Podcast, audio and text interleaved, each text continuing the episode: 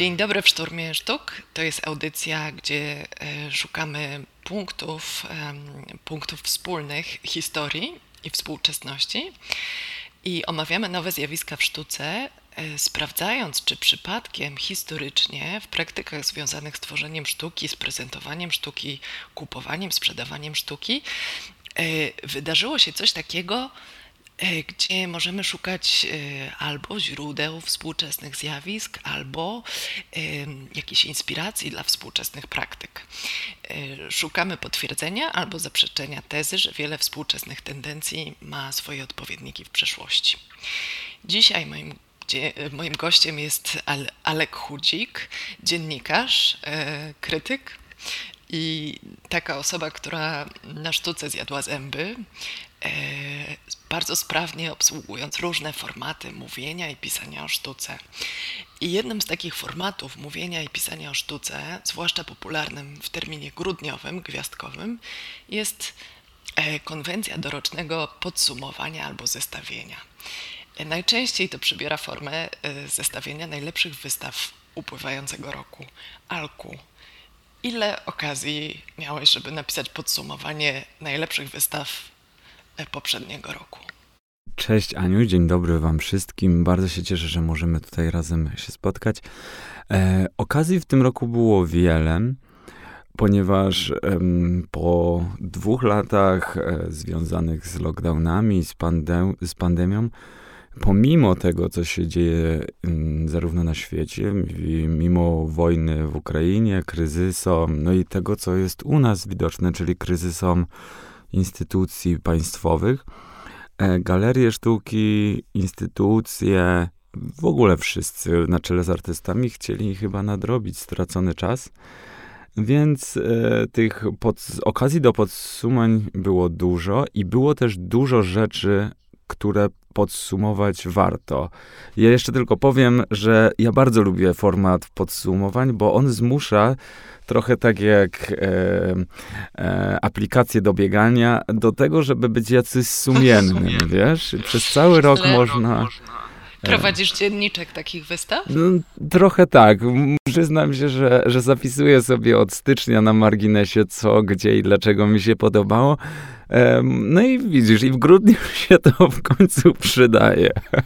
To jest dowód na to, że warto czekać, ale bardzo zgrabnie wybrnął z mojego podsumowania, e, przepraszam, z mojego pytania o podsumowanie, bo ja e, naprowadzam cię, Alku, na taki trop, że to jest męcząca formuła i że tutaj dziennikarz się urabia po pachy rok rocznie podchodząc do tego zadania, ale bardzo dobrze, że mnie skontrowałeś i powiedziałeś, że to jest takie, taki rodzaj pęd, które są też motywujące. No tak, tak, tak. Nie, nie wpadam ci w słowo, ale y, i za chwileczkę będę dopytywać o to, co znalazło się na marginesie Twoich notatek y, mhm. z 2022 roku. Powiem tylko, że ponieważ tutaj śledzimy związki teraźniejszości z historią, o czym był wstęp, to chciałabym, żebyśmy porozmawiali dzisiaj o najlepszych wystawach 2022 roku, ale też o najciekawszych wystawach ostatniego stulecia. Hmm. Tak, żeby przywołać ten element historyczny. No bo w sumie kto nam zabroni policzyć ostatni wiek od 1922 roku do 2022?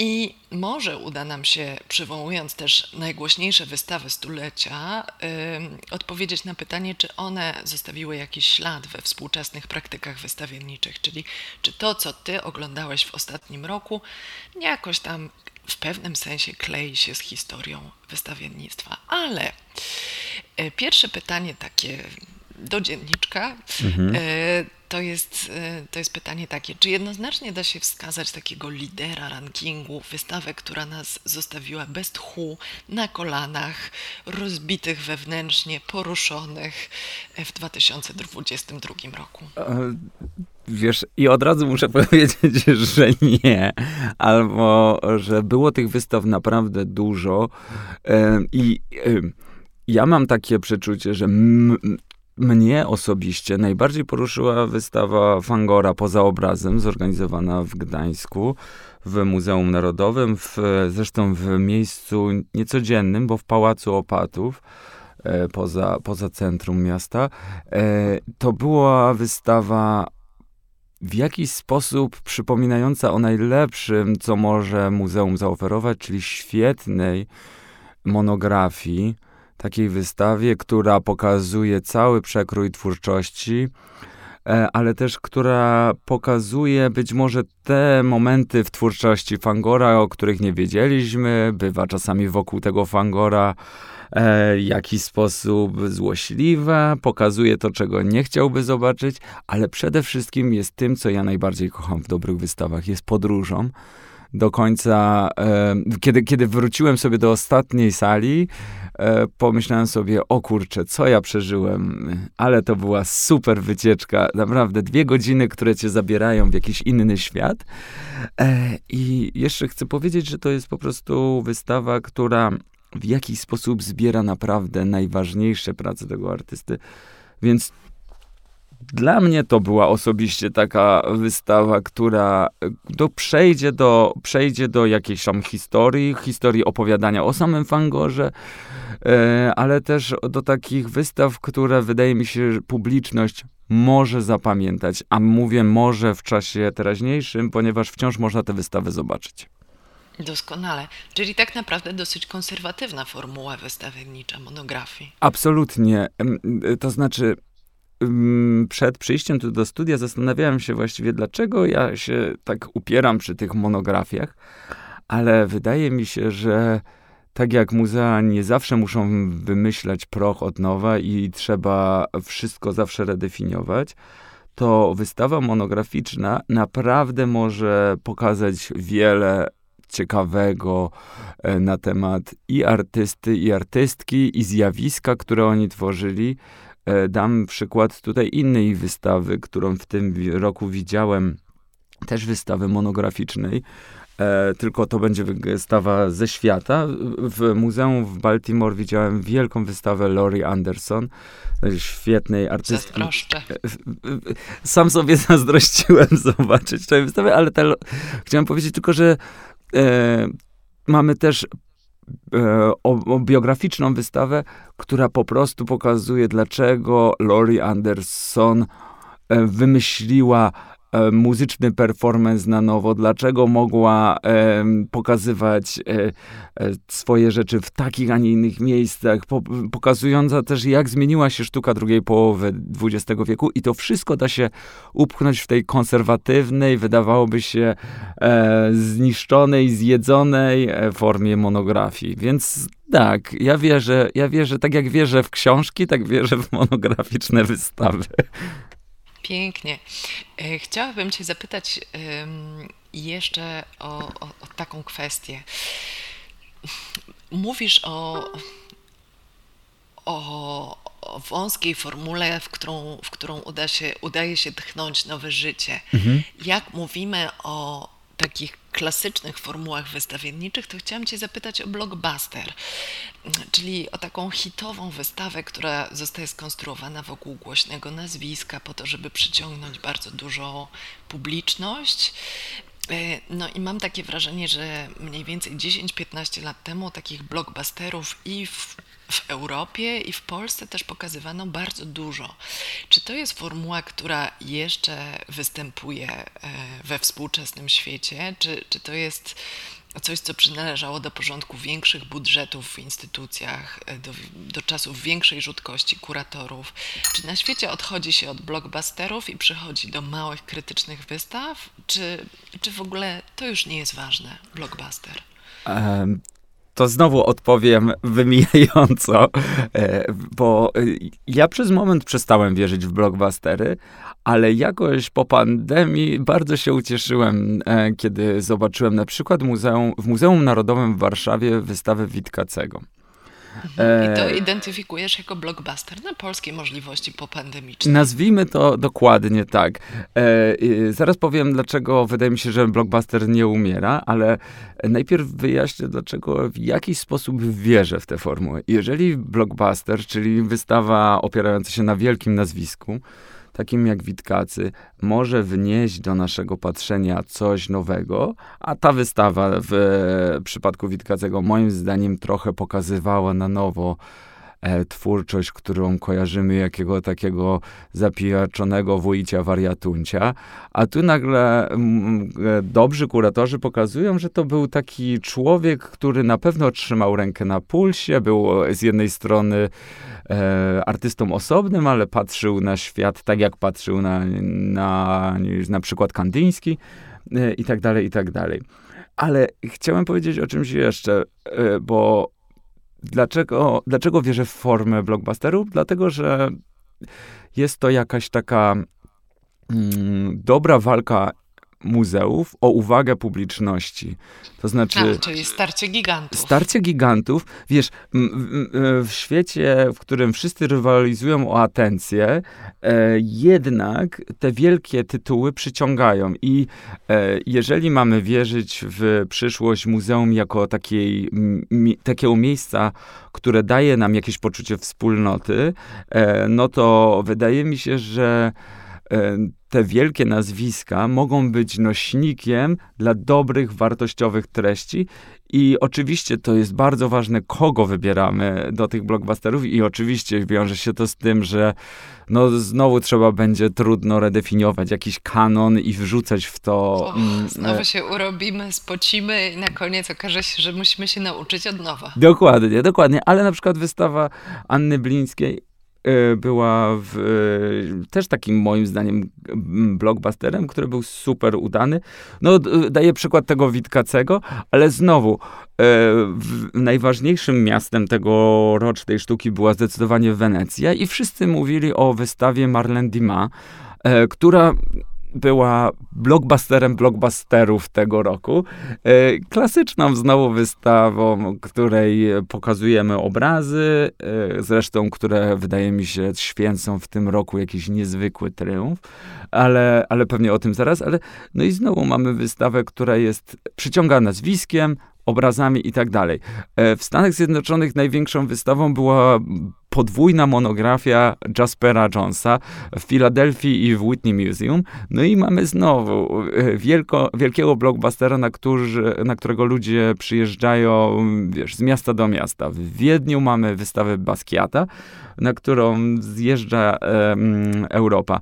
Czy to jest jakaś wielka rewolucja w sztuce? Nie, ale na pewno e, taki sposób muzeów na przyciąganie publiczności i jakby zwracanie na siebie uwagę w tym, co już powiedziałem, czyli takiej no e, ciągłej walce o atencję. Ciekawe też, że łączysz to z podróżowaniem e, w wymiarze fizycznym, mhm. czyli z czymś, co było niedostępnym luksusem. Mhm.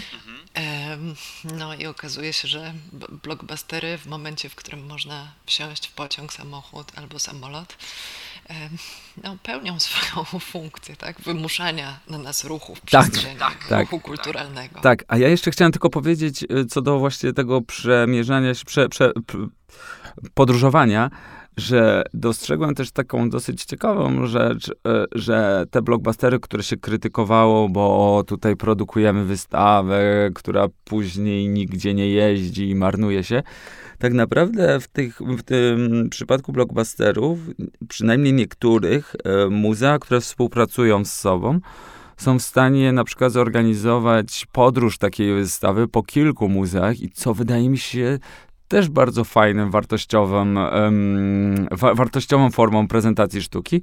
I taką, przy, takim przykładem jest na przykład ta wystawa e, Abakanowicz, która jest teraz w Tate, a będzie podróżować jeszcze po dwóch czy trzech dużych muzeach, więc jakby chwała takim blockbusterom. Fantastycznie. Obiecywałam, że e, w dzisiejszej audycji odbędą się wycieczki, znowu mhm. wycieczki do historii. I skoro Ciebie, Alku, pytam o te najlepsze wystawy 2022 roku, e, to sama chciałabym przytoczyć kilka takich historycznych punktów zwrotnych w zakresie wystawiennictwa. I mhm. tutaj może bym zaczęła od wystawy Haralda Zimana When Attitude Becomes Form, która odbyła się w 1969 roku w Kunsthalle w Bernie. To był wielki pokaz sztuki minimalistycznej, landartu, arte povera. To, co ważne, to to, że tę wystawę pokazano w, mom w momencie, w którym te wszystkie kierunki w sztuce dopiero się krystalizowały I tam odbyło się kilka, kilkanaście takich formalnych przewrotek, między innymi to, że część prac powstawała na miejscu zaledwie tam tydzień przed, przed otwarciem pokazu. I takim dowodem na to, jak ona mocno namieszała w wystawiennictwie, było to, że powtórzono ją oczywiście w zmieniony sposób i w zmienionej lokalizacji w 2013 roku na Biennale w Wenecji w Fondazione Prada. I dlaczego o tym mówię? Bo chciałam Cię zapytać, czy w Polsce mieliśmy do czynienia z jakąś wystawą, która mm, mapowała wystawienniczo nowe zjawiska, e, która coś prze przestawiła, jakąś zwrotnicę. Mówiłeś o pięknej podróży w Gdańsku, mówiłeś o blockbusterze w postaci Witkacego, a mieliśmy jakiś ciekawy eksperyment?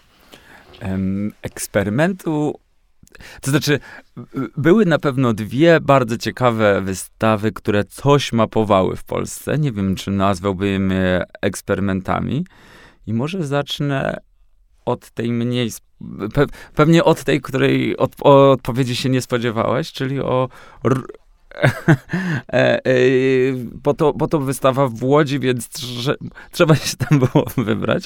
E, o ruchach tektonicznych, czyli mm, wystawa przygotowana przez Jakuba Banasiaga, która była poświęcona artystycznym symptomom trans, transformacji. I to moim zdaniem była bardzo ciekawa wystawa, która po 30 latach wraca do przełomu lat 80. i 90., czasu, który jakby wpływa na naszą gospodarkę, ale jakby który też zaczyna przewracać wszystko w, w środowisku artystycznym, prawda? Upadają te wielkie e, państwowe e, instytucje, które jakby trzymały rękę na władzy.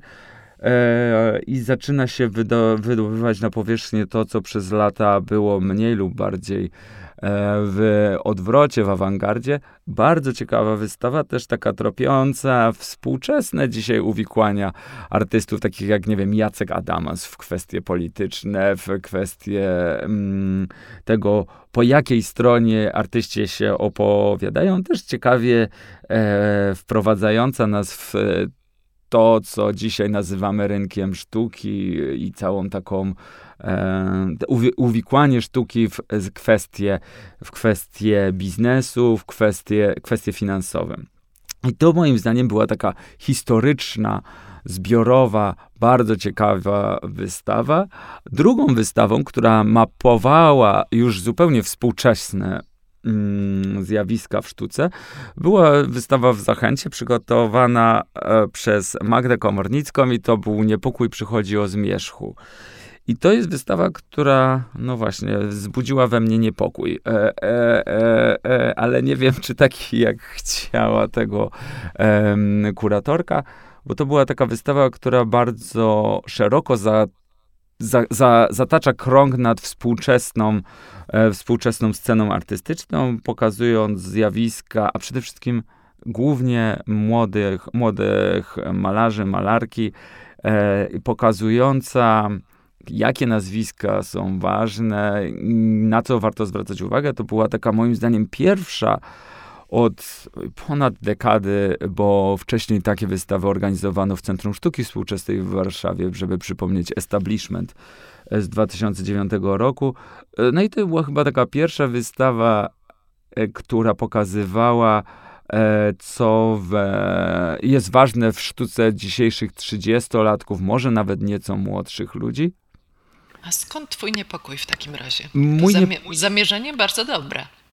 Mój niepokój wzbudziło to, jak bardzo w czasie, w którym mamy kryzys instytucji, takich jak Zachęta, Centrum Sztuki Współczesnej, Muzeum Sztuki w Łodzi, żeby powiedzieć wprost, y, dyrektorzy, którzy zostali tam powołani, nie wydają się być osobami kompetentnymi do prowadzenia tych instytucji. Rynek sztuki zaczyna przejmować główną, wiodącą rolę w, w tym, co w sztuce jest ważne w Polsce. No i mamy jakieś nadprodukcję obrazów y, i ta nadprodukcja obrazów była tutaj bezkrytycznie potraktowana. W zasadzie każdy, kto maluje dzisiaj może liczyć na przychylność i uznanie. No i y, to taka dominacja malarstwa której ja się trochę nie potrafiłem odnaleźć, mnie w tej wystawie przetłoczyła i wydaje mi się, że jest nie do końca sprawiedliwym pejzażem sztuki współczesnej, czy tego, co się dzisiaj dzieje e, w, w, najws w najwspółcześniejszych zjawiskach. E, chociaż były rzeczy, za które ta wystawa była krytykowana, które mi się podobały.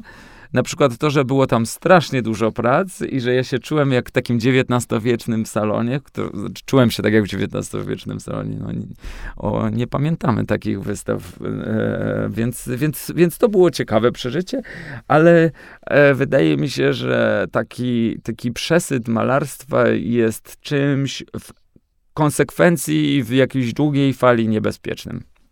Bardzo ciekawy głos e, i Twoja teza dotycząca tego, że rynek sztuki staje się krytycznym obiegiem, czy jakby miejscem, gdzie wytwarzają się znaczenia, co jeszcze do niedawna byłoby niezwykle trudne do wyobrażenia, a teraz, teraz staje się faktem, to jest e, coś, coś godnego e, odnotowania i uwagi. Tutaj bym postawiła wykrzyknik dla naszych słuchaczy, a chciałabym w takim razie Cię zaprosić do tego świata e, wystaw komercyjnych, bo tutaj zaczę zaczęliśmy wymieniać instytucjonalne, ciekawe wystawy.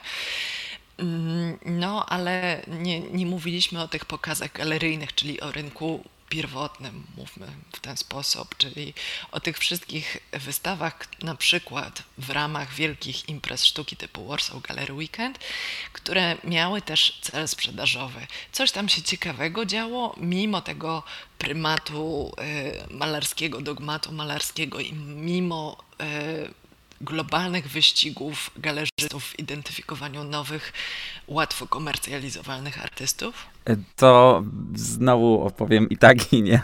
E, a dlatego, że jedną z najlepszych wystaw, które widziałem w tym roku, takich młodych wystaw sztuki, to była wystawa Weroniki Hapczenko w Galerii Import-Export. E, wystawa zatytułowana False Door. E, która się otworzyła w styczniu 2022 i pokazywała e, tak Weronika, żeby dać e, Państwu więcej, więcej kontekstu, jest świetną malarką, która bardzo często porusza się w takich tematach fascynacji kosmologicznych, ale nie jest to jakiś rodzaj nowoczesnego horoskopiarstwa, tylko jakby tego, jak się ta, ta kosmologia przejawiała na przykład w początkach XX wieku. I ona wyciągnęła takie dwie postaci Nikolaja Fiodorowa i Konstantina Ciałkowskiego, które w Rosji były formujące dla myśli XX e, wieku, e, no i właśnie wyciągały tam jakieś teorie e, protonarodowe z, z, z, z gwiazd, mówiąc wprost. Okej, okay, no to rzeczywiście daleko od tego zarzutu, że oglądamy tylko i, i wyłącznie piękne obrazy. Tak, ale właśnie Weronika te bardzo e, przemyślaną opowieść zamyka w formie niesamowicie namalowanych obrazów. E, takich, które no trochę właśnie romansują z tym, co teraz jest chyba modne, czyli malowanie aerografem, trochę takiej surrealizujące formy, które e, są bardzo, bardzo obecne, zwłaszcza w tym rynku obiegu galeryjnym. Maluje niesamowite obrazy. E, no i chciałem tylko powiedzieć, że to była wystawa, którą otworzono w styczniu, która opowiadała o jakichś takich no, ciemnych stronach mariażu, kosmologii z ideami narodowymi e, w Rosji. No i jakby to, co się wydarzyło później, było jakąś, jeszcze dodało mocy tej wystawie, bo, bo, bo okazuje się, że dzisiaj moglibyśmy narysować jeszcze więcej linii wspólnych z tym, co się dzieje w Rosji e, i tym, co się dzieje na świecie, z tym, co się działo w historii, więc jakby tutaj temat naszego podcastu jest, jest jak najbardziej e, w, w, jakoś w linii z tym, z tym, co Weronika pokazała. Więc naprawdę polecam polecam wam wszystkim e, przyjrzeć się twórczości Weroniki i też zachęcam do zaglądania do prywatnych galerii, choćby po taką wystawę, jak Falls Door. E, gdzieś ten świat e, galeryjnych wystaw i zakupów i instytucjonalnych wielkich pokazów w przeszłości już się zbiegał. Obiecywałam, mm -hmm. że od czasu do czasu będę przytaczać te historyczne wystawy z ubiegłego wieku. E, I tutaj chciałam przytoczyć w tym kontekście głośną wystawę z 1997 roku z Royal Academy of Arts w Londynie. To jest oczywiście Young British Artists, e, wystawa z kolekcji Saatchi, gdzie pokazano, och, kogóż tam nie pokazano, między innymi pracę Tracy Emin i Damiena Hersta.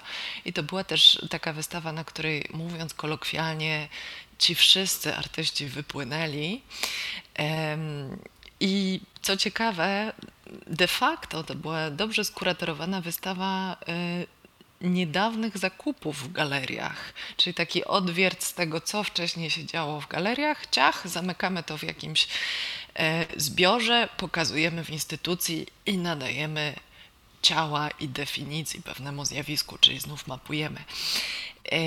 To ja mogę ci, po, mogę ci tak. przerwać i powiedzieć, że jeżeli wspominasz o Young British Artist i um, o, o Hirście, to ja mam taką propozycję, żeby wskazać tak zwanego dzbana roku i to właśnie będzie Damien Hirst, który postanowił namalować 100 obrazków w tym roku, sprzedać je jako NFT i później spalić te swoje obrazki. Uważam, że nie ma gorszego dzbaństwa E, w tym roku w sztuce niż to, co e, robi Damien Hirst, którego działalność od kilku lat jest jakaś wątpliwa, a to wydawało mi się już po prostu głupie do imentu. Mamy dziennikarski bonus w ramce, czyli dzban roku. Okej, okay, świetna kategoria, nie przyszło mi to do głowy, dziękuję. Ale widzisz w tym pusty koniunkturalny gest i yy, żerowanie na jakiejś konwencji i modzie, za, którą, za którym to nic nie stoi, tak? Dobrze rozumiem? Myślę, że y, jest w tym bardzo dużo cynizmu, którym, nad którym już chyba nawet Damian Hirst nie, nie, panuje. nie panuje dokładnie. E, I, I to, co kiedyś wydawało się mm, świetne i jakby w punkt, do dzisiaj jest e, poza skalą. No niestety. E, mówię to jako mężczyzna. Mężczyźni po 40 i po 50 mają wielką tolerancję na głupotę i po prostu nieumiejętność starzenia się. No, ciekawe, że ta współczesność też czasem rozlicza historię. Mhm. Nie zawsze przygląda mhm. się jej w sposób, no taki powiedziałabym, bałwochwalczy. Absolutnie. Czasami też wystawia zły e, rachunek. Okej, okay. mówiliśmy o e, blockbusterach, mówiliśmy o wystawach, punktach zwrotnych w zagranicznych instytucjach i w polskich instytucjach. Bardzo podobała mi się kategoria, którą przywołałeś, tworzenia wspólnoty mhm. i e, przekazywania ważnych treści przez wystawę. Ja sobie też myślałam o, o innych y, wydarzeniach artystycznych, wystawienniczych z przeszłości, o, o, takich formatywnych wystawach dla, dla jakiegoś pokolenia. Ty mówisz o mężczyznach po 40 i 50. Mhm. Ja myślałam o, o tym, co zbudowało wspólne doświadczenia y, wystawiennicze 30-latków i 40-latków. I przyszły mi do głowy takie wystawy w Muzeum Narodowym w Warszawie od Maneta do Gogena, Serenissima. Wszyscy żeśmy się ustawiali kolejkach, mhm. albo żeśmy się urywali z klasówek, żeby na te wystawy e, móc się dostać. Obie z przełomu wieków.